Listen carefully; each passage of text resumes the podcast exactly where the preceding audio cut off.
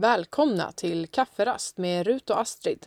Det här är poddversionen av liveprogrammet som sändes fredag den 25 februari. På grund av teknisk inkompetens och oerfarenhet så missade vi att spela in de första fem minuterna men ni har inte missat någonting. Jag heter Rut och den andra ni kommer att höra prata heter Astrid. Häng på! Och nu är vi tillbaka igen och vi har fått bekräftat att vi hörs. Jag vet inte vad det var för fel på Theas eh, device där hemma men uppenbarligen något stämmer inte. Men nu kör vi igen. Ja, det var bra. Då fick vi prova att krångla lite med tekniken. det är lika bra att dra av det plåstret direkt. Det är som larm. Man ska bara få, det. Man ska få liksom, dra av plåstret, sätta igång larmet, ringa Securitas, springa runt och vara stressad. För då har man övat på det. Mm. Det har jag lärt mig. Jaså, när fick du lära dig det? När jag eh, drog igång larmet och fick ringa Securitas och eh, springa runt och vara stressad. Okay. Eh, men övning är färdigt. Tillbaka Mm. till... Eh, du sa någonting och så hände det 25 grejer på Ja. en gång. Just det. Eh, du, Eh, vi, ja, jag, vi pratade om hur vi tog emot eh, nyheten om invasionen av Ukraina igår. Ja. Jag fick ett meddelande från min bästa kompis som, där hon skrev att eh, nu har Ryssland attackerat Ukraina. Nu händer det liksom. Typ. Så jag satte på eh, typ radion och tvn samtidigt och bara behövde ta in allt som hände. Så jag gjorde inte som du riktigt, utan jag gick rätt in. Och så bara satt jag framför tvn i chock typ över eh, Putins agerande, över hur människor i Ukraina, alltså situationen för dem går ju liksom inte att ta in. Att vara liksom människa i Ukraina och liksom hur Putin bara liksom kör över allt vad, freds, vad fred heter liksom och bara attackerar. Vilket känns så sjukt. Ja, men jag, var, Ehm, jag blev typ förvånad. Eller, ja, jag är ju dum när det kommer sånt där. Otroligt naiv. Jag blir Ja. förvånad att folk vill kriga. mm. För jag kan typ inte förstå riktigt hur ska det ens gynna Putin i det Nej. här läget? Eller vad kommer Nej. det ge Ryssland? Jag fattar att man vill... Jag förstår ju att de bråkar med varandra, Mm. så jag är inte helt dum i huvudet. Nej. Men jag kan typ inte förstå att det kan vara liksom, ekonomiskt värt det. Jag kan inte eh, för Putin att dra igång ett så stort krig som det ändå blir. För att även om det bara är Ukraina så han kommer ju involvera ja, men, EU, NATO. Alltså det, han sätter ju Mm. igång någonting som han Verkligen. vet kommer alltså, sätta igång andra processer som tvingar folk att agera. Ja, det är ringar på vattnet som fan. Ja, och jag tror typ inte så här, vill liksom Rysslands befolkning det? Tror Nej, alltså inte. det är, ju, det är ju lite det som, som händer nu. Alltså det blev ju väldigt mycket reaktioner. Jag måste bara säga det, en av de starkaste, eller en av de starka bilderna för mig var dels när de visade liksom en karta på vart eh, explosioner hade skett och att det liksom var runt hela Ukraina. Det var Ja, inte längs den ryska när jag gränsen. såg det. Jag liksom. trodde att de skulle hålla sig till det lilla området. Nej, Ryssland alltså det var ju verkligen- smygpeka lite. nej, alltså det var ju från alla håll. Och sen så visade de också en bild eh, på bilköerna ut ur Kiev. Mm. Och jag trodde att de visade en stillbild. Oj, och sen så jäklar. kom det folk gående bredvid bilarna liksom. och någon Mm. bil som körde åt andra hållet och då insåg jag att okej det står bara helt still alltså. Alla sticker. Men vart stick? Eller så här, vart Alltså åker de flesta de ville ju åka ut på landsbygden eller till mindre städer. Så det Mm. var väldigt mycket folk som skulle åka till liksom sina, sina hem. Alltså typ om du, som vi nu är ju inte från Umeå liksom, så då hade vi åkt hem till Skåne och Stockholm. Liksom. Du Ja. hade kanske inte velat åka till Stockholm i och för Alltså, sig. det hade varit otroligt dumt att fara till Stockholm just Ja. nu om det var vi som blev invaderade. Men liksom ut på landsbygden och sen så är det ju folk som åker över gränsen till Polen, till Rumänien, Moldavien eh, och det är ju bilköer åt alla håll liksom, om jag förstår det rätt. Mm.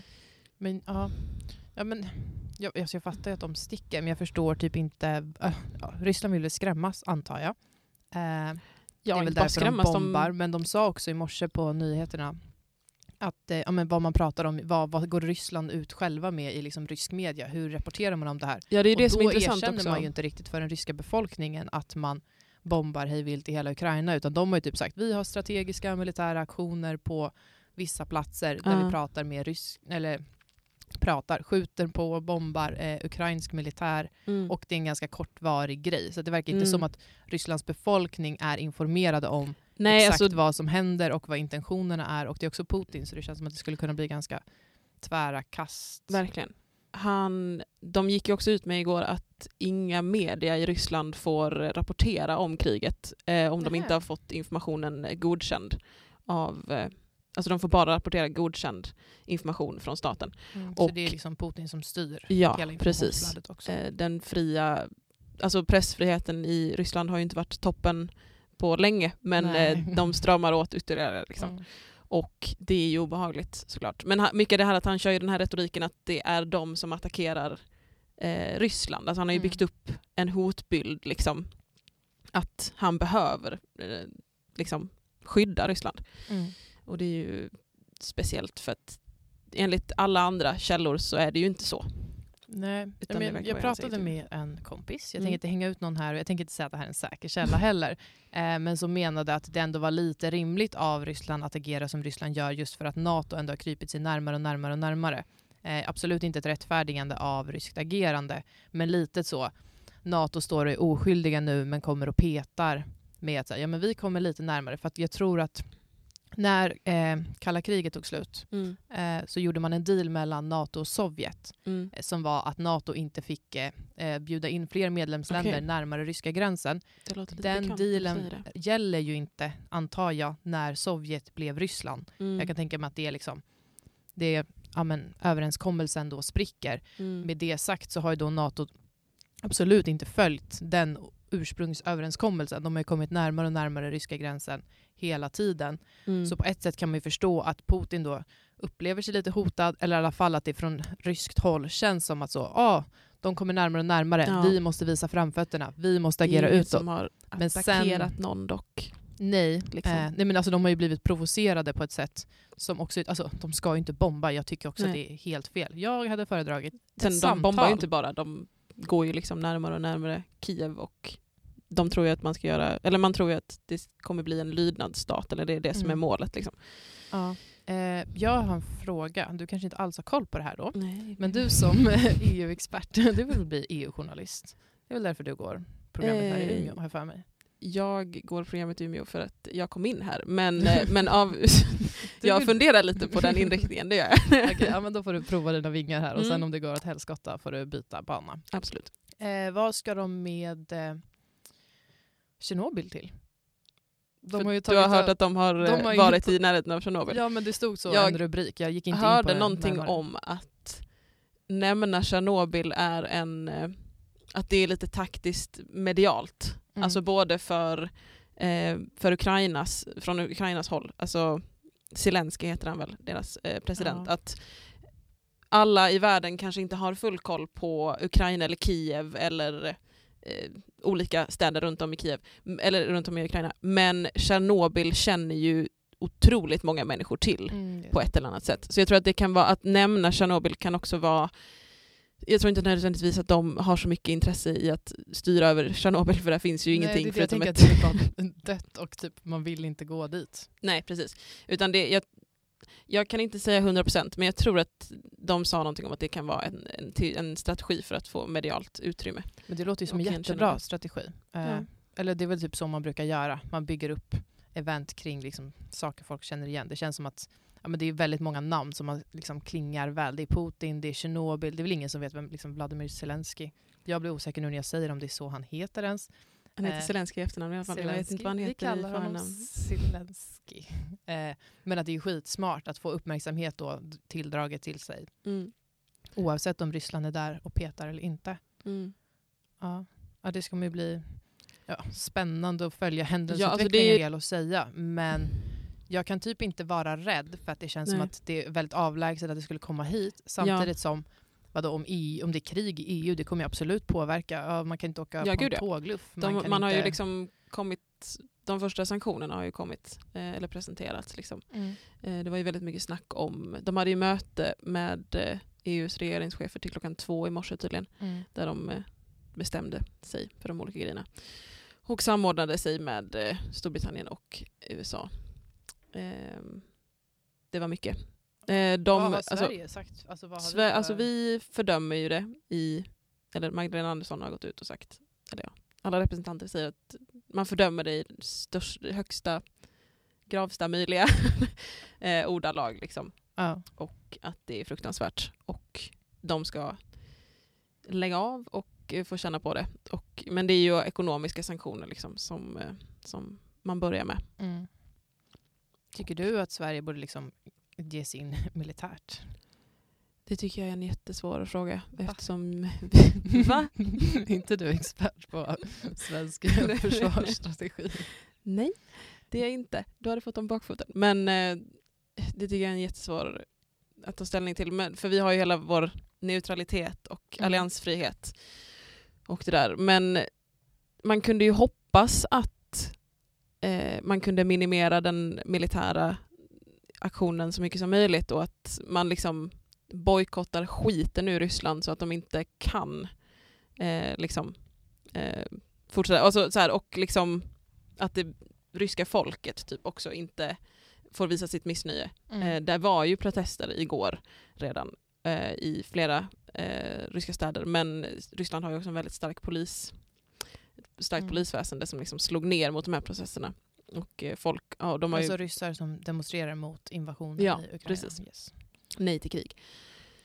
Och det slogs ner väldigt hårt utav polis som man har sett bilder på och det ser hemskt ut. Det är också, det är också så här att, att man, att ens, det är liksom ett övergrepp på ryska befolkningen också för att deras ledning liksom gör det här i deras namn på ett sätt. Mm. Och de får inte ens säga nej utan då slår man ner den protesten. Mm, ja, det är ju väldigt så. Eh, Hej, vi styr Ryssland, vi kommer göra som vi vill, vi kommer Mm. inte ge er information och om ni misstycker kommer vi slå er Mm. om ni ens förstår att ni behöver misstycka. Ja. Eh, men jag hörde det apropå då sanktioner, att det också finns en diskussion om att sanktioner skulle typ öka eh, alltså ryssars vilja till konflikt. Just för att säga, Mm. nej, men nu är folk ändå internt i Ryssland emot konflikten, men om vi sätter Intressant, jättemycket för- ekonomiska sanktioner mot dem, då kommer de känna sig ännu mer hotade. Då börjar det påverka dem i Mm. Ryssland, vilket gör att de blir ännu mer benägna Mm. att kritisera NATO, eh, krig. Ja, förlåt.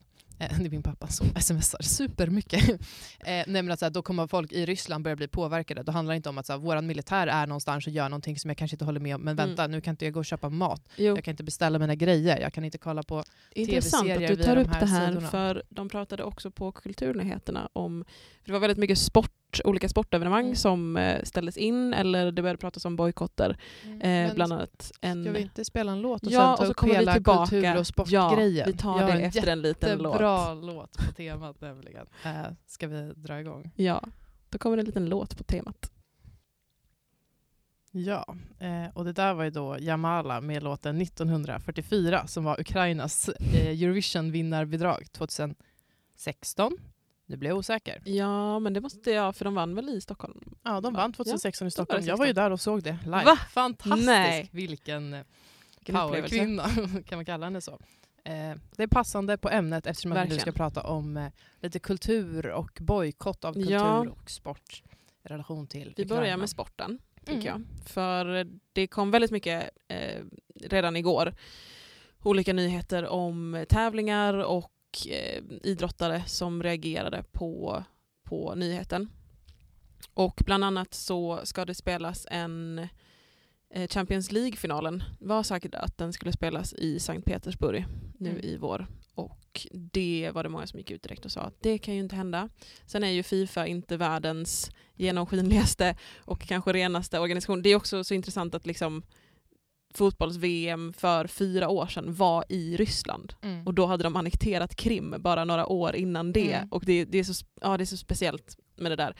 Men då fick de hålla det i Ryssland. Mm, det gjorde de ju. Och nu ska det också hållas VM-kval eh, matcher som Sverige bland annat ska spela. Mm. Eh, både i Ryssland och möjligtvis mot Ryssland. Mm. Eh, så det är ju lite diskussion här hemma hur det känns. Eh, Sverige har, oh, nu ska jag inte fara med osanning men jag tror nästan att de gick ut och sa att de inte vill spela i Ryssland. Mm. Eh, Bandy-VM har Sverige, i Ryssland har Sverige och Finland dragit sig ur. Det är ju inte Ja. riktigt en jättestor sport. Eh, Men det är det fotboll. symboliska som Ja, spelar roll i en absolut. sån grej egentligen. Sen har ju också, det ska vara världscuptävlingar i Ryssland i skicross. Ski, det svenska ski- skicrosslaget är där just nu. Mm. Men Svenska skidförbundet har sagt att det kommer inte bli, inga svenska åkare kommer tävla. Alltså vad ska Eh. hända med alltså, bara allmänt liv? Det känns som att vi precis har dragit oss tillbaka från att så allt ställs in på grund av corona. Nu ska världen öppna upp igen. Ja. Och det första som händer när samhällena öppnar det är att vi måste typ stänga igen på Mm. grund av att vi liksom Ja men uppenbarligen det här. Men det är så här, Mm. nu är ju inte liksom, gränser stängda inom EU men blir det ett liksom, krig inom EU Ja. då kommer gränser börja stängas igen. Eh, men typ sånt här med sportevenemang, alla har varit så jävla taggade på att Mm. så här, nu ska vi äntligen få ut, vi ska få tävla med varandra, vi ska få göra Mm. det här tillsammans och Ja. att det bara får liksom, ja, men det är så himla tråkigt. Ja, det är verkligen jättetråkigt. Men det som var intressant var då att på Kulturnyheterna bland annat så pratade de ju om det här med eh, kulturaspekten och som du sa innan att med Mm. ekonomiska sanktioner också att det kan ju leda till att det ryska folket känner sig påhoppat på ett annat sätt än vad Mm. de gör just nu. Och så det är väl, att det finns ju den aspekten att om alla drar sig tillbaka från Ryssland och alienerar Ryssland så kommer det, då får det ryska folket en möjlighet att, en större möjlighet att liksom göra resten av världen till fiender och det Mm. kanske inte är så bra. Utan man kanske borde fortsätta prata med, eller tävla och utbyta kultur för att det är där man kan ha ett utbyte. Ja, men det, det är ju jätte, jättebra poäng. Eh, om man tänker på Rysslands historia så är det ganska spännande just för att det är väl typ ett av de länderna i världen som har haft mest liksom, på och av i huruvida de får vara en del av liksom, världsgemenskapen. Och, Mm. Alltså, det var typ tre år sedan så hörde jag nå, typ ett radioprogram, jag tror det var Meny i P1, som handlade om typ rysk Mhm. matkultur. Men då pratade Den de ganska kan man inte så mycket om. rysk matkultur. Ja. Nej, för att det har varit stängda gränser. Ja. Men det är väldigt spännande då hur rysk matkultur har påverkats. För det har varit först väldigt fattigt väldigt länge. Alltså det var ju Mm. potatis, kål, ingenting. För det var liksom, ja men det var riktigt, riktigt dåligt. Och sen Mm. så kommer liksom öppna världen upp lite grann. Och sen kommer Sovjet och man stänger igen världen igen. Eh, det kommer influenser, eh, liksom Eh, ja, men det var liksom perioder av utlandsinfluenser. Sen har det stängt, vilket har lett till att ryska folket har varit så. Ja, ah, nu har vi vant oss vid de här franska delikatessostarna. Men Mm. vi får inte längre importera det eller Mm. Frankrike vill inte längre ge det till oss för vi ska Mm. vara liksom kommunistiska självförsörjande. Då utvecklar vi egen ost som liknar den osten. Så det finns en otroligt spännande inhemsk liksom, produktion av Mhm. lyxvaror som är liksom varianter på vad resten av världen har ätit. För sen när det har öppnat upp igen, då är det så Mm. ah, nu vill vi ta in allting nytt igen. Säger liksom mästerkockarna, ah, vi vill ha ostronen, vi vill ha jag, vet inte, fan, jag kan ju inte vad det är de importerar, men Nej. typ så. Fransk ost är väl ett jättebra Mm. exempel. Ja. Vin, liksom, hela Mm. den grejen. Eh, men då har de ju både sin egna kultur där de har utvecklat det här väldigt inhemska ryska som inte har exporterats för att de har ju hållit det inom Ryssland för att de ska skapa för sig själva. Och sen kommer de här nya influenserna, men sen har det stängts igen så då har de liksom fått ett, en lucka. Ja, nu har vi tagit in de här fyra nya grejerna, vad Mm. spännande. Ja, nu stängdes det igen, då stannar det av lite där. Vi får inga nya influenser men vi måste arbeta med de vi har. Mm.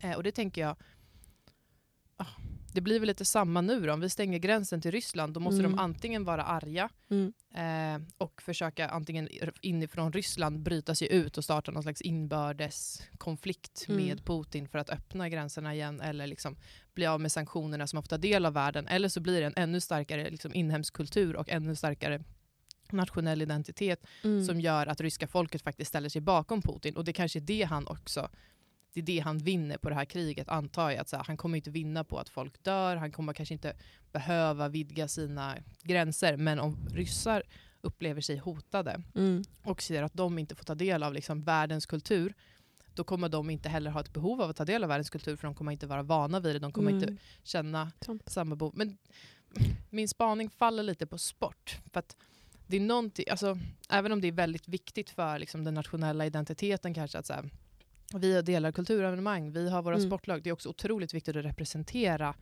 sitt land eh, liksom, i andra länder. Mm. Och, ja, men för att koppla tillbaka då till Eurovision och eh, För Eurovision är de som har gått ut och sagt att både Ryssland och Ukraina får vara med. ja, Ska vara med, eh, och det här ska, det ska vi diskutera. Men Mm. om vi tänker på till exempel hur det blev eh, Gud, nu tappar jag bort mig.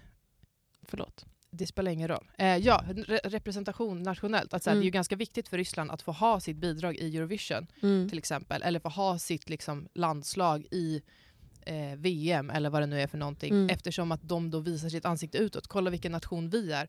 Vi Men det är ju en jättepropagandamaskin. Alltså, Ja, De var ju sönderdopade i hemma-OS 2014. Liksom. Ja, Sen alltså kom det ju- fram och då blev det inte så bra. Nej, då blev det Men dåligt. När de liksom vann medaljligan så var ju det toppen. Ja, och de vill ju ha det på sitt CV. Att så här, Mm. Kolla, vi är ett så himla starkt land inom, Mm. till, sitt, liksom, ja, till befolkningen att säga vi åker ut i världen, representerar och vi Mm. gör det jättebra. Eurovision har ju, I Eurovision-sammanhang så har ju de också supersatsat på alltså, sådana otroligt liksom, Ja, de alltså, har de har ju jättebra bidrag, på bidrag. nivå med liksom, ja, men Sverige om vi Ja. jämför, eh, vilket är ett otroligt bra Eurovision-land. Och så Mm. tänker man typ ja, men Georgien, Ukraina, länder runt omkring där. De har ju inte den budgeten och de prioriterar kanske inte den budgeten. Men Ryssland har ju fattat att det här kommer ge dem eh, ganska mycket fördelar. Till Mm. exempel det året Jamala vann. Mm. Det var ju ett otroligt spännande Eurovision-år. ja, för för det, det, var samma år, det var samma år, eller ja, men det här med Krimhalvön och Ukraina. Ja, det var ju bara, det var bara några år innan. Ja, det var precis innan, så den konflikten var ganska igång. Eh, och sen så var det liksom ettan och tvåan, de som slogs om liksom de sista rösterna, det var ju Ryssland och Ukraina. Ja. Ukraina vann, eh, vilket ju gjorde Ryssland otroligt provocerade med sitt Mm. otroligt satsiga bidrag. Alltså, Men jag tror också att de var provocerade innan för att den handlar ju om någon slags... Ja, ja. eh, Ja men det är ju tre aspekter också. här. Ja. Det är ju dels, låten handlar om Stalins folkmord på, oh, vad heter de nu för någonting? Tartarer? Krimtatarer var Ja, ja. heter de. Eh, det folkmordet, eh, Ja. det är absolut inte kul för Ryssland eh, att man pratar om det. Sen att de två hamnar i final tillsammans och Ja. slåss om första och andra platsen vilket ju betyder att vinner Ryssland kommer kanske Ukraina inte få vara med. Om eh, eh, Ukraina vinner kanske inte Ryssland kan vara med. Mm. Ukraina vinner med sin liksom politiskt power, alltså politiskt väldigt Starka låt. starka låt. Power Mm. är ju, finns ju på svenska också. eh, otroligt stark låt som är dessutom riktad mot Ryssland. Mm. Året efter så är det ju i Ukraina och då får inte Rysslands eh, representant komma med. Nej. För att eh, ja, de bojkottar Ryssland. Ja. Och det kan ju Ukraina bestämma som land. Men det är väldigt spännande. Men vad, det var, det var Ryss, eller det var Ukraina som valde att Ryssland inte fick komma. Det var inte de som valde att inte komma. Eh, De sa inte att Ryssland inte fick komma. De sa att Rysslands bidrag inte fick komma för att den Jaha. personen var kopplad till någonting. Typ så, åh hon har setts göra den här grejen. Och det är Mhm. precis samma i år. Eh, Mm. För Ukraina har ju, Ryssland har inte valt representant i Eurovision än. Eh, Ukraina har gjort det, men den representanten har fått eh, dra sig tillbaka på grund av att Ukrainas eh, Broadcasting Union, jag vet inte vad det heter i Ukraina, Nej. de har sagt så. Eh, du har uppträtt på Krimhalvön i liksom, sammanhang som har varit kriminella. Eh, och Okej. därför får du inte vara med nu för att du har varit liksom, på fel sida i konflikten när Oj. det drog igång. Mm. Eh, det upptäcktes nu. Hon drog sig tillbaka, de har valt ett nytt band och nu kommer det här. Och då är ju frågan, ska Ryssland få vara med? Ska Ukraina få vara med? Mm. Eh, hur ställer du dig i frågan? Tycker du vi ska... Jättesvårt. Symbolisk. Mm. Det, det är inte lätta ämnen vi pratar om idag, det är det inte eh, än så länge. Men Glad fredag. För det, det är ju också en diskussion hela det här om, om det är politiskt eller inte politiskt. Mm. För de vill ju alltid gå ut och säga, det gjorde de väl igår också, att vi, är, vi står Mm. bredvid politiken. Liksom. Eh, det har inte med det här att göra. Alla kan vara med. Ska vara med. Men det är ju en lögn. Det, ja. Det startade ju som ett fredsprojekt Ja. för att behålla fred mellan länder. Det är ju det mest politiska man kan göra. Att göra. Alltså det är som hela liksom, ja men, kol och stålunionen. Det Ja, skapar man också sant. som ett fredsprojekt. Det skulle Mm. man ju inte säga inte är politiskt för att syftet är att behålla fred. Fred är väl liksom lyckad politik skulle jag vilja Ja. säga. Och då säger jag så, Eurovision är ett fredsprojekt. Det ska ju vara po- alltså, politiskt obundet och det Mm. finns ju låtar som har inte fått vara med på grund av att de har varit för politiska. Mm. Till exempel, jag tror det var Georgien 2009 som hade den här We don't wanna Putin. Den blev ju diskvalificerad för de sjöng ju Vi vill inte ha Putin. Och Ja. de var så, det här är väldigt politiskt och Mm. de vill inte ändra eh, och fick då inte vara med. Och det Nej. händer ju då och då att det kommer så otroligt politiska låtar Mm. som måste antingen skriva om någonting eller bara diskvalificeras eh, helt och hållet. Och det är ju liksom IBU som säger att så, det ska inte vara poli- liksom politiskt. Mm. Samtidigt som bara att delta i Eurovision blir ju politiskt. Typ som ja, men när Ryssland inte får vara med när Eurovision hålls i Ukraina. Mm. Det är politiskt. Ja. Att eh, hade vi sjungit We don't want Trump, då Mm. hade det troligen fått, det kanske inte hade fått vara med för att de är, jag vet inte exakt hur de bedömer sådana saker. Men också om vi Klart. tänker typ Balkankriget. Mm. Är du insatt i Balkankriget? är det någon som har förstått det? Det var så himla invecklat. Jag har försökt sätta mig in i det. Mm. Eh, men eh, då var ju Jugoslavien med eh, Mm. som ett land Mm. med sina låtar. De, det gick ganska bra för dem. De Mhm. vann ett år. De hade Eurovision i Jugoslavien. Eh, Okej. precis innan kriget bröt ut. Jag tror det var slutet av 80-talet. Typ så Mm. 88, 89. Jag kanske ljuger, men det är inte med flit i sådana fall. någonstans där. Ish där. Mm. Eh, och sen blev det ju Balkankriget och Mm. eh, ja, men stort inbördeskrig på 90-talet. Eh, jag tror att det var 91, 92 där som det liksom bröt ut totalt. Eh, 93 tror jag tre av sex av de nya länderna som skapades, alltså jag kommer inte ihåg vilka det är, men av Serbien, Kroatien, de sex, nej, tre av de sex var med 93. Mhm. Vilket är samtidigt som de typ fortfarande är i ett krig. Mm. Så från liksom att vara Jugoslavien, splittas till sex olika länder, landet är i kaos. De lägger ändå tid, pengar och resurser på att delta i Eurovision för att det är så otroligt viktigt för nationsidentiteten men också Mm. att representera utåt. Så här, vi är inte de- del av Jugoslavien längre, vi är Serbien. Ja. Här är vårt Eurovision-bidrag. vi det. Det där är ju politik, även om de då Ja. sjunger Love, Sunshine, Flowers, Mm. jag vet inte vad Mm. de sjöng. Säkert jättebra låtar. Eh, inte någon aning. eh, så det blir ju politiskt. Det är sant. Jag tycker att de kan vara med. Ryssland. Du tänker säga det? Vet, ja.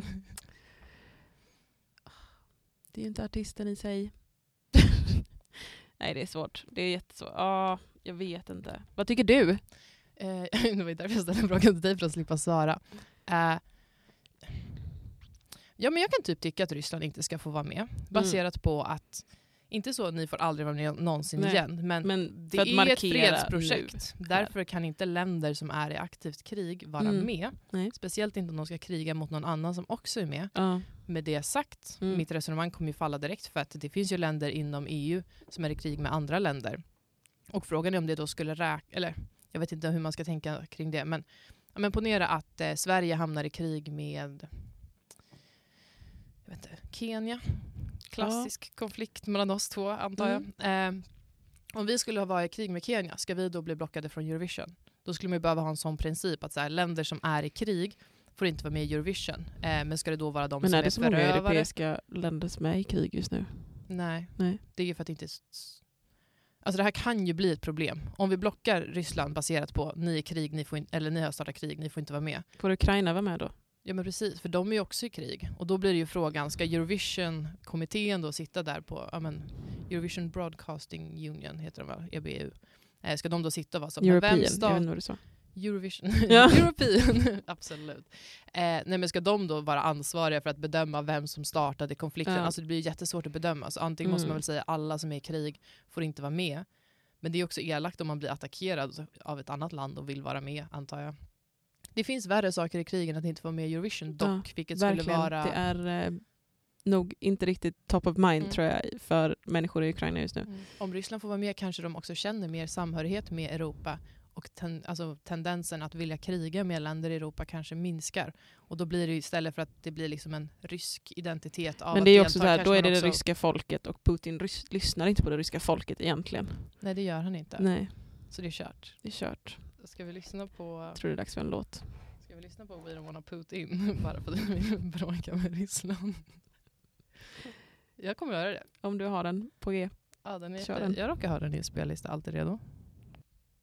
Ja, eh, det där var ju då We don't wanna put in, eller Putin med Stephanie and the 3G. Eh, jag ser framsidan här, alltså den är riktigt snygg. Ja, är liksom- vill du visa mig? Disco-mustasch, det är snygga tjejer, det är jättekul rosa.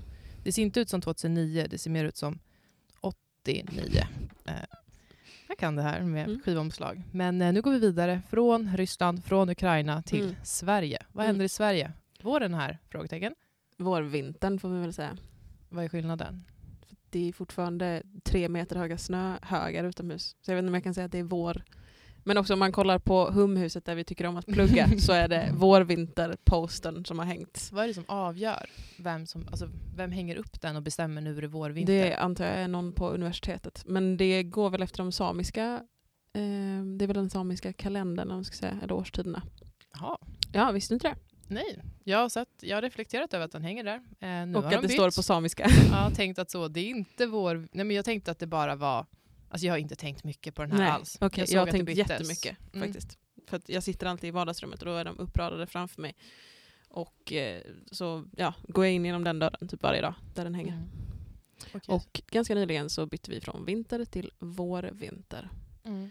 Men eh, det är också, också sjukt för att i tisdags så var det minus 16 grader. Mm. Det var svinkallt. Och Oj. igår så var det plötsligt två plusgrader och sol. Och jag gick ut för att ta en promenad och var tvungen att både så här först ta av mig halsduken och sen också jackan för att Mm. jag svettades för mycket. Ja, alltså jag åt lunch ute i solen igår. Ja. Eh, det, var, ja, men det kändes liksom april, aprilligt. Ja, Eh, med fågelkvitter och sol, solen värmde. Det var det som Mm. var Ja, men har du varit ute idag eller? Solen, jag stod ute och solade Knappt, innan vi men, eh, möttes här. Jo men jag kände det faktiskt i ryggen när jag Ser gick du från Iksu. Jag är solbränd. Ser Är du det? Nej. Men däremot det blir ju jättekonstigt. Alltså igår var ju bussarna inställda. Eh, ja för det var jättedåligt väder på morgonen och sen så bara slog det om och så blev det toppen. Eller? Ja men också för att det pendlar så himla mycket så det blir glashalt. Så jag antar att det är dels det, men också Mm. igår morse det var ju storm. Och sen gick man ut och det var sol och man kunde sitta Mm. ute och äta lunch. Och det skulle inte förvåna mig om det blir typ hagel om två timmar, en timme. Alltså när vi går ut ur studion, jag ser ingenting härifrån. Det ser Nej ut som vi ser absolut skiner, Vi sitter men- ju under, under jord så vi ser ingenting Mm. just nu. Men det är, det är jätte, jättetrevligt. Det är ju min första vinter i Umeå. Ja men gud, hur, hur känns det? Du har ju tagit igenom, alltså, Ja. det är ändå ett stort mörker. Vi pratade lite om det i höstas och jag, Mm. jag kan ha sagt Och då något är jag alltså alarmerande. från Skåne egentligen. Eh, väldigt, väldigt långt härifrån. Det är en helt annan eh, helt annat klimat och helt annan eh, ljusbild. Ehm, men det känns, och vi har också, alltså gud jag kan inte ens är så mycket. Saknar ord på det här. Otrolig En så upplevelse. otrolig upplevelse den här vintern. För att som skåning så upplever man kanske tre dagar vinter Mm. sammanhängande liksom, max. Eh, en vecka är liksom länge. Nu har det, det har varit snö här sedan i november. Mm. Den första snön kom liksom i mitten på oktober. Fick vi liksom lite så här snö, blandat regn typ. Mm. Men snön har legat här sedan i november. Och det här kanske är jättetråkigt för folk som bor här. men det är jätte, jättesjukt för en skåning. Eh, men det hjälpte ju också väldigt mycket mot mörkret. Mm. Så jag är väldigt tacksam för snön. Ja, Tycker så det är väldigt tänk att ha mysigt. ett sånt eh, södra Sverige-slask här. Ah, nej, alltså I Stockholm är det ju inte heller det blir ju inte snö. Det brukar vara, alltså i januari kan Mm. det ligga snö kvar ett tag, Ja. men det är bara ett slaskhelvete. Mm, Eh, ganska mörkt. Alltså det är ju inte lika mörkt som här, det går ju Ja. typ inte att jämföra. nej. Men det finns ju inga, alltså snön ger ju så himla mycket ljus Ja, som verkligen. man tappar. Och så, alltså, egentligen så känns det nästan som att det var mörkare hemma i Skåne för, Mm. För, förra vintern än vad det var denna för att så, eller det, det är så fint väder uppe också. Det är så typ, himla bra. men visst är det stor himmel i Umeå? Mm, stor himmel. Ja, men att det är som att den är... Jag vet inte, det kanske Jo, är det är platt ja. men det känns som att här, luften är lite, det finns mer plats i luften. Ja, det blir inte kanske. lika mörkt. Även när det är mörkt så känns det som att det är mörkt på ett inte instängt sätt. Att det, är så, det blir inte klaustrofobiskt. Nej. Går man ut så är det så, ah, jag kan andas. Ja. Det är ett mörker runt mig men jag kommer inte bli uppäten av det. Mm. Men eh, jag vet Men det inte var hur ju det är i Skåne, man- jag har ju aldrig varit i Skåne typ. Men i, det är en punkt för en annan gång. Jag har varit där, jag har kikat lite på vägen till Men det var ju ändå en platser. chock när man satt och pluggade och det var mörkt ute vid två. Mm. Det ska ändå sägas. Vad hade du för strategi för att ta dig igenom? Jag, alltså jag vet inte ens hur jag tog mig hit. Alltså det, jag, jag du vet ett inte. levande mirakel. Ja, nej men alltså det, det var verkligen jättemörkt där ett tag. Det var jobbigt i november skulle jag säga. Mm. Ehm, med mörkret och, men det var väl också med hela att man har flyttat långt bort och man eh, läser en del av en kurs som man kanske inte är sådär Mm. jättebra kompis med och så Mm. bara känns allting fel och jobbigt liksom. Eh, men det är roligt, en gemensam vän till oss sa ju det i häromveckan att hela hösten kan man inte plugga för att det är för mörkt och man är för deppig. Och hela våren då kan man inte heller plugga för det är så ljust så att man vill bara göra andra saker. Citat William. personen eh, Bogren? Ja. Men alltså, vilken man. Men det är ju ganska sant. Eh, Jag håller typ inte riktigt med. Inte? För jag tyckte att det var ganska, ganska lätt att plugga för att det är mörkt. För Ja. att man har inget bättre för sig. Alltså man blir aldrig sugen på att gå ut. Det är jobbigare typ Nej. idag. Eh, Mm. Jätteskönt att jag inte har något plugg då. Att jag Mm. var klar med hela den här veckan igår. För då har jag tid att ta en liten promenad, stå och sola lite. Ja. Eh, För det jag tyckte var svårt när det blev mörkt så tidigt var att min hjärna liksom, ja då är dagen slut. Ja men middag halv fem känns I- jätterimligt i november, december. Ja, det- Gå och lägga sig klockan åtta. Men det är också någonting med att så, dagarna är så korta så att det Ja. känns som att det är kväll klockan fyra. Ja. Men man blir aldrig riktigt trött heller för att man får inte den här liksom, nedvarvningen som Nej. kommer i att solen går ner en rimlig tid. Vilket gör att man typ är liksom halvseg och typ blir lite hyper typ vid nio Ja. för då är det som att det är morgon igen för att kroppen bara... Men alltså, nu gillar ju- är ljuset tillbaka och jag är så lycklig. Ja. Tror du att du är bättre rustad till nästa vinter? Ja det tror jag. Det hoppas jag. Ja, du har ju utvecklat icke-existerande strategier. Ja, nej men för jag var jättenervös. Men nu har jag i alla fall gjort det en gång, då kan jag göra det igen. Ja, men då vet du att du klarar det. Ja. Eh, för jag kommer ihåg att jag var nervös förra vintern. Hur ska Mm. det gå? Jag köpte så Mm. D-vitamintabletter och så. Det funkar väl typ laddade. inte ens? Eller? Placebo är en grej. Jag tror jättemycket på placebo. Men det sagt, det var ju jättejobbigt. Eh, Men Mm. jag var ju he- alltså, manisk på att så, det är tre timmar sol varje dag och jag ska gå ut de tre timmarna. Och så här, eller inte de tre timmarna, men jag ska vara ute varje dag när det är ljust. Mm. Problemet är att det inte är sol tre timmar utan ju, solen är där men det kan också vara så tre kilometer molntäcke. Mm. Så att ibland så är det som att man bara går runt i någon slags dimma. Men det var värre förra året, dels för att jag var ovan tror jag, Mm. men framförallt för att det också var på distans. Alltså universitetet det. var ju stängt. Eh, Mm. Vi behöver absolut inte gå in på och det var corona Nej, det var nej. så tråkigt. Men man man blev ju också väldigt liksom, isolerad i, en, i sin lägenhet och det var mörkt Mm. och konstigt och allt var likadant och lampan tändes aldrig och det var aldrig Mm. ljust. Lampan, solen. eh, Stora gula klotet. Ja, ö- öllampan kallar min kompis den. Eller ölklockan. När solen går upp så ska ölen fram. Oj. Ja, så kan man tänka. Det kan bli många öl då på sommaren här. Eh, hon har det problemet. Skojar. eh, nej men att så här, det blir en väldigt konstig vardag för att det inte finns någon naturlig klocka. Eh, det blir spännande då, för du ska väl vara här i Ja. sommar funderar du på. Då är Det det, precis motsatt problem, för då kan man Mm. ju aldrig gå och lägga sig. Jag hade Nej. filtar uppspikade alltså. på väggarna förra Ja. året. Eh, jag är bättre rustad i år tror jag. Mm. Ja, eh, och det där var då djuret med Folke Nikanor. Nikanor, jag övade i pausen, och Paulina Palmgren. Otroligt bra låt. Alltid en av dina bästa. En av mina bästa. Sen mamma spelade den för mig i julas så har den varit på repeat. Har Fint. fått kritik för att jag spelar den för mycket. Både av Är du en sån person andra. som eh, fastnar på en låt och lyssnar senare? den? Jag med. Mm, ja, en låt i taget, en skiva Mm. i taget. Jag har Ja, många en artist i taget. Ja. Ja. Vilken var din senaste psykos? Eh, oh gud, det vet jag inte nu på rak. Jo, eh, Sammy Ray and the Friends Mm. har det varit ett tag nu. Otroligt bra band eh, som jag hittade på Spotify. Och deras eh, typ mest spelade är nu, eh, ja, de har varit på repeat Mm. För mig. De är, det, det är toppen, men nu, nu börjar jag, Nu börjar läsa. ja lite grann. Man måste inte, jag vet inte, det är så svårt för å ena sidan så kan man ju bara lyssna på tills man tröttnar och då Mm. behöver man inte lyssna mer men det är också tråkigt att förstöra typ den här, det här albumet. Jag lyssnade så mycket så jag var så här, jag kommer inte kunna lyssna på det här mer igen. Nej. Och jag tycker ju om det, jag vill typ kunna lyssna på dem ett år utan att få ont i magen. Men saker går i perioder också. Det är det. Eh, Så är det. Ja, vi får, Men vi får eh, variera oss lite lagom då. Då ja. kanske det är det vi ska lyssna på nästa gång vi sänder live. Sammy Ray and the Friends, Ja, gärna det. vi kan ha psykos-tema. Musikpsykos. Musik vi har haft psykoser till. Eh, men vad händer i helgen? Vad händer? För mig. Mm. Eh, ja, vad Vi händer? börjar ikväll. Det är ju På spåret Det är finalen. På spåret Ska vi prata om det? Det Våra måste vi prata sista- vi har en minut på oss. Egentligen har vi, Vi det. har egentligen längre på oss. Ja. Vi har så länge vi vill.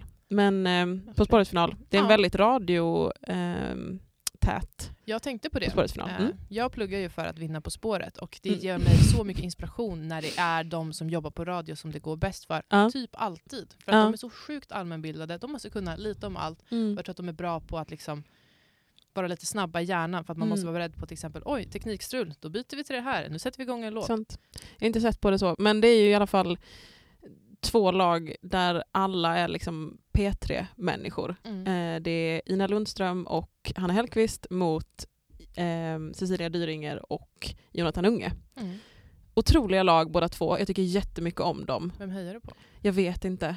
Jag känner mig jättekluven. Mm. För att eh, Cecilia och Johan, Jona, Johan, Jonathan har varit så sjukt överlägsna i alla sina matcher. De har ju gått på total kross. Liksom. De kommer ju över 50 poäng i ett program, vilket Ja, bara ett otroligt fåtal har gjort. Ja, de är superduktiga. De är superduktiga. Kompletterar varandra på ett jätteroligt sätt. Eh, Mm. för Jonathan Unge är den han är och Cecilia Dyringer är liksom en historielärare. Alltså det är en väldigt otippad kombo. Jag Mm. undrade vem som fick idén att sätta ihop dem Ja, eh, och hur det. de liksom reagerade och ställde sig till det. För det är ju jättebra just att de är ganska olika. De kan Ja. väldigt olika områden. Framförallt så känns det som att hon kan jättemycket Hon kan otroligt mycket. och att han är lite kul. Ja. Eh, jag hejar inte på dem. Då, men sen är han ju att, också duktig. ja, Alltså så. men jag tycker inte att han är så kul. För jag tycker alla hans Nähä. skämt är likadana. Det är så. Jag är lite dum, jag tittar åt fel håll, Ja. min mamma brukar vara med och nu har konstig. jag en ny tjej som också är min mamma och mina Mm. axlar är jättehögt upp och det är så här, ja vad rolig Okej, du var då. Då antar jag att du hejar på det andra laget då? Ja, det gör jag. Ja, Eh, Hanna och Ina. Fina, jag tycker fina. att de är, de är inte jättemycket roliga. Alltså jag gillar Cecilia Dyringer jättemycket. Mm. Eh, jag tycker att hon är skitduktig. Ja. Hon ser skarp ut. Jag hade Ja, gärna haft henne som eh, lärare. Ja, jag med. Om jag hade haft henne som lärare i gymnasiet hade jag nog tyckt att det var jobbigt jag hade tyckt om henne lite mer än vad man ska göra. Och varit lite så men vi hade en gymnasielärare som alla blev fnittriga av. Inte för att folk Aha. var kära i henne utan Nej. bara så oh hon är så himla cool. Och var det som så här, lite starstruck typ. Eh, Mm. Jag hade kunnat ha den relationen. Men jag vet inte, jag har alltid gillat Hanna Hellquist. Alltså Ja. när jag, från att jag var 11 år gammal har jag Mm. lyssnade jag på morgonpasset alltså, varje ju- dag. ja. Försökte få praktik på morgonpasset väldigt- bara för att träffa Nämen. Hanna Hellquist men de tog inte emot praoelever från sjuan. Va? De, varför? varför? Eh, Hon alltså, är ju, ja, alla som har lyssnat på Morgonpasset känns det som älskar ju Hanna. Mm. Ina, har du någon relation till henne? Mm. Nej, eh, Du har inte lyssnat på hennes podd? Eller nej jag har inte podd? lyssnat på hennes podd men fasiken jag hörde något jättekul.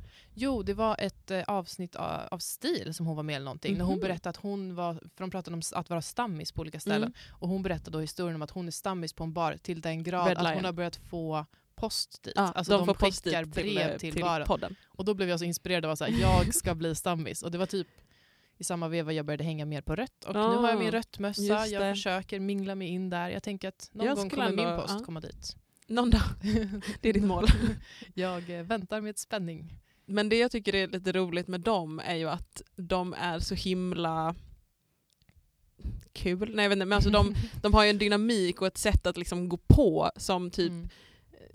Lindström och Luke typ inte kan eh, hantera riktigt och det tycker jag blir roligt. Eh, Jag tror att de blir lite ställda. För Ja. De är så väldigt mycket båda två. Mm. Men de är liksom inte, det är ju spännande att de inte är i vägen för varandra. För det hade man nästan Mm. kunnat tro. Att så här, Nej men starka Ina är jättebra på att parera Hanna tycker jag. Ja. Eh, och de ger varandra jättefint utrymme. Men är de kompisar privat också? Ja det är de. det måste de nästan Ja, vara. Gud, ja. Ina är med och bygger på huset där i Grums och sådär. Hur har jag missat det här? Jag följer ju huset i Grums på Instagram. Ja, jag vet jag inte. kallad Hanna Hellquist men det är ju Mm. bara bilder på huset i Grums. Men hon har flyttat tillbaka till Stockholm nu tror jag. Aha. Så Ja, det just det, nu är det ju inte pandemi, nu jobbar hon igen. Mm. Hon måste vara Fast hon jobbade ju från, från, från Karlstad innan. Ja, det där är ju otroligt spännande. ja, Men det kommer bli en jättespännande final. Det är väl Vargas och Lagola som kommer vara husband Mm. tror jag. Precis. Det, var, därför ju vi det otroligt förra veckan. När de dels gjorde Nationalteatern. Men Eh, tycker du att, de, tycker du att det är bra? Vadå, det de gör? Eller det, Tycker du om Vargas och Lagola? Ja, det tycker Tycker du om dem i kontexten På spåret? jag. Eh, ja, Tycker du om jag dem jag i kontexten Roger Pontare med på scenen? Det var ju dit jag skulle komma. Det var ju liksom familj... Ja, frisyren var Jag märklig. Men det, det var, var mycket. familje... Det var ju familjefest liksom. Mm. Hela klanen Fakir och både Agnes och Ro- Ponte Rågare. Men varför, jag fattar att man slår ihop klanerna, men vad gjorde Mm. Agnes där? Alltså helt ärligt. Hon sjöng otroligt för att hon är otrolig. Ja, men fick inte hon ett eget... Hon kunde fått en show och sen Ja. kunde de haft liksom klanmöte i en annan show. För jag vill, alltså tänk att vara Agnes och vara så, jag ska vara med i, vad är det, Idol hon var med i? Ja. Jag ska bli stjärna, jag ska bli Beyoncé, jag ska slå igenom stort och nu står jag här 15 år senare och gör en duett med Roger Pontare med Nassim Al Fakir från Bolibompa som Det spelar trummor. jättekul. Jag hade varit besviken om jag var hon. Fast hon, har, hon har ju också så mycket annat. Det här är ju en liten bigrej skulle jag säga i allt hon gör. Ja. Nej, men Jag tyckte att det var väldigt roligt i alla fall. Mm. Och fint. Alltså jag gillar Roger Pontare. Ja. Eh, jag gillar Agnes. Jag gillar inte Nassim Al Fakir. Nähä. Eh, jag har sett för mycket av hans För mycket bring. Bolibompa. Nej, men han friade sin fru eh, iklädd eh, ingenting förutom en riddarrustning på S- Aha. Stockholm Horse Show eller någonting Oj. för några år sedan. Eh, Okej. jag tyckte det var cringe. Ja, det kan Eh, man jag tycka. uppskattade inte hans typ bröstvårtor svettiga i riddarkläder. Nej. Eh, med det sagt, superbra tjej har han. eh, Ja. Fru nu då. Ja.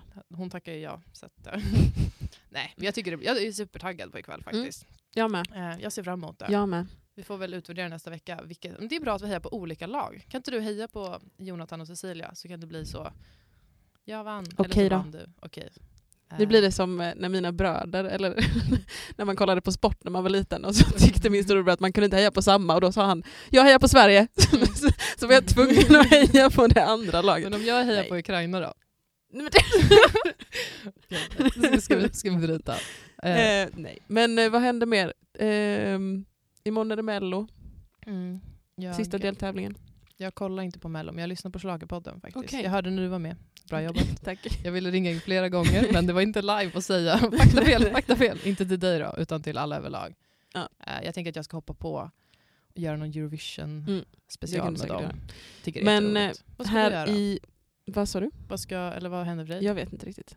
Vi får, jag har Nej, inte riktigt det är vår. Ska man inte bara vara ute i solen? Jag vill bara vara ute i solen. Förra helgen ville jag också bara vara ute i solen men jag hade liksom ingenting att göra i solen. Mm. Gick en jättelång promenad, eller gick en promenad till strömpilen och skulle handla. Mm. Det har blivit min nya lördagsaktivitet. Gå till strömpilen och göra ärenden. För du får inte gå i solen med solen i ansiktet på väg dit. Ja, och sen så på vägen tillbaka så får man inte göra det. Imorgon ska jag gå till strömpilen och hämta en router. Jaså? Du kan hänga på om du vill. Den ska hit till eh, studion tror jag. Ja, vi ska Mm. ge tillbaka den som vi har stulit och eh, installera en ny och hoppas att liven inte kraschar. Mm, just det. det bytet. För vi är ju så glada för att den funkar nu. Ja, alltså nu har vi lyckats sända. Nu är vi snart uppe i en timme. Men vi har sänt en timme. Mm. Inga tekniska problem förutom Theas eh, device i Ja. början. Så ja, kul. Det, ja, vi är igång. Ja, vi är igång. Och nu, Nu vill jag ha helg. ja, och kaffet har, på? Har kaffet kallnat? kaffet har kallnat. Men då är det dags. Ja. Eh, tack för idag och eh, glad fredag. Detsamma. Glad fredag.